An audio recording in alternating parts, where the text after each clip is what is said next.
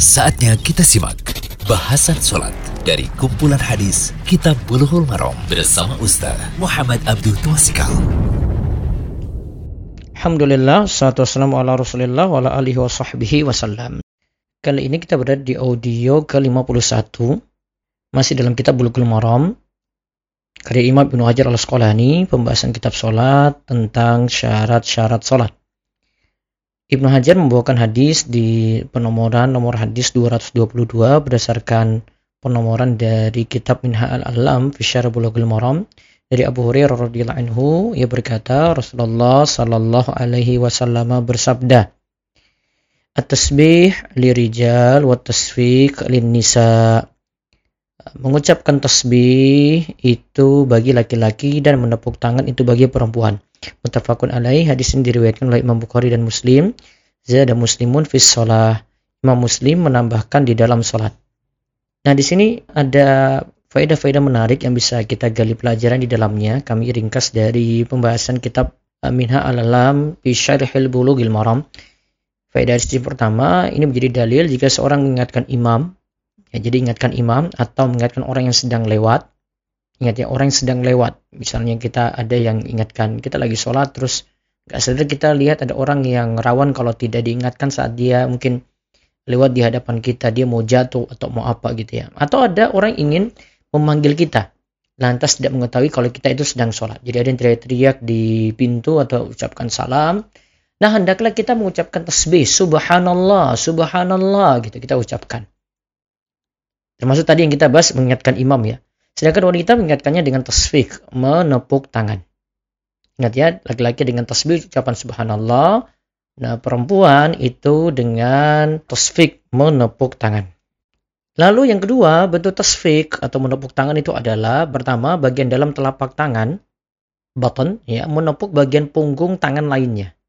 Bagian dalam nepuk punggung. Gitu ditepuk. Atau yang kedua, bagian punggung tepuk bagian dalam telapak tangan. Punggung nepuk bagian dalam. Gitu. Atau yang ketiga, bagian dalam telapak tangan menepuk bagian dalam telapak tangan lainnya. Dan ini yang biasanya kita lihat umum ya. Kita seperti sebut ini tepuk tangan. Cara tasbih ini bebas memilih tata cara yang mana. Karena syariat tidak membatasi pada cara tertentu. Jadi boleh memilih di antara tiga cara tadi. Terus yang ketiga, jika imam yang diingatkan, misalnya sekali diingatkan langsung tanggap, dengan ucapan tasbih, hal itu tidak perlu diulangi lagi. Jadi nggak boleh uh, sudah ucapan subhanallah, imam sudah tanggap terus subhanallah lagi, subhanallah, subhanallah, nggak boleh ulang-ulang. Sudah tanggap sekali ya sudah cukup. Namun kalau yang ditegur itu belum tanggap, ya bisa diingatkan berulang kali. Kemudian yang keempat, kenapa wanita tidak disyariatkan mengeraskan suara ketika menegur imam? Nah, ini jawabannya itu karena wanita diperintahkan untuk merendahkan suara dalam sholat secara mutlak agar tidak timbul godaan. Oleh karena itu wanita dilarang mengeraskan suara saat membaca Al-Quran, bertalbiyah, labaik Allahumma labaik saat orang umroh atau haji ya. Dan ibadah lainnya. Begitu pula wanita sebaiknya tidak mengeraskan suara ketika hadir lelaki bukan mahram atau ajanib.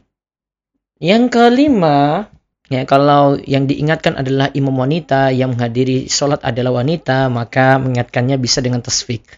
Uh, sebagaimana kuman hadis bisa pula dengan ucapan tasbih.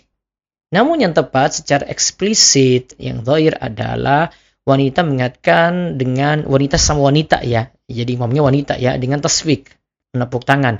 Ketika ada jamaah laki-laki dan perempuan akan tapi jika jamaah perempuan saja boleh dengan tasbih ketika mengingatkan.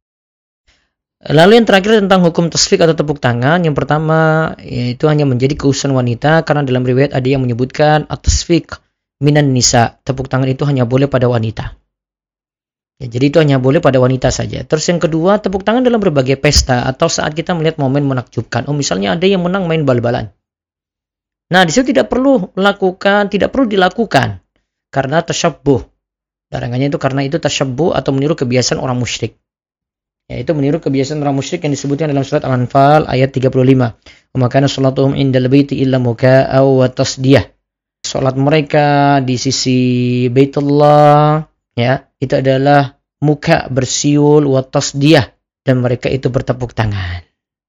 Nah, itu ibadah orang musyrik. Maka kita tidak boleh niru seperti itu. Yang tepat saat melihat hal menakjubkan adalah dengan ucapan Masya Allah, Allahu Akbar, ataupun ucapan semisalnya. Masya Allah, Allahu Akbar, atau ucapan semisalnya. Nah, semoga jadi ilmu yang bermanfaat. Allah ibarik fi. Demikian bahasan sholat dari kumpulan hadis Kitab Bulughul Maram bersama Ustaz Muhammad Abdul Tuasikal.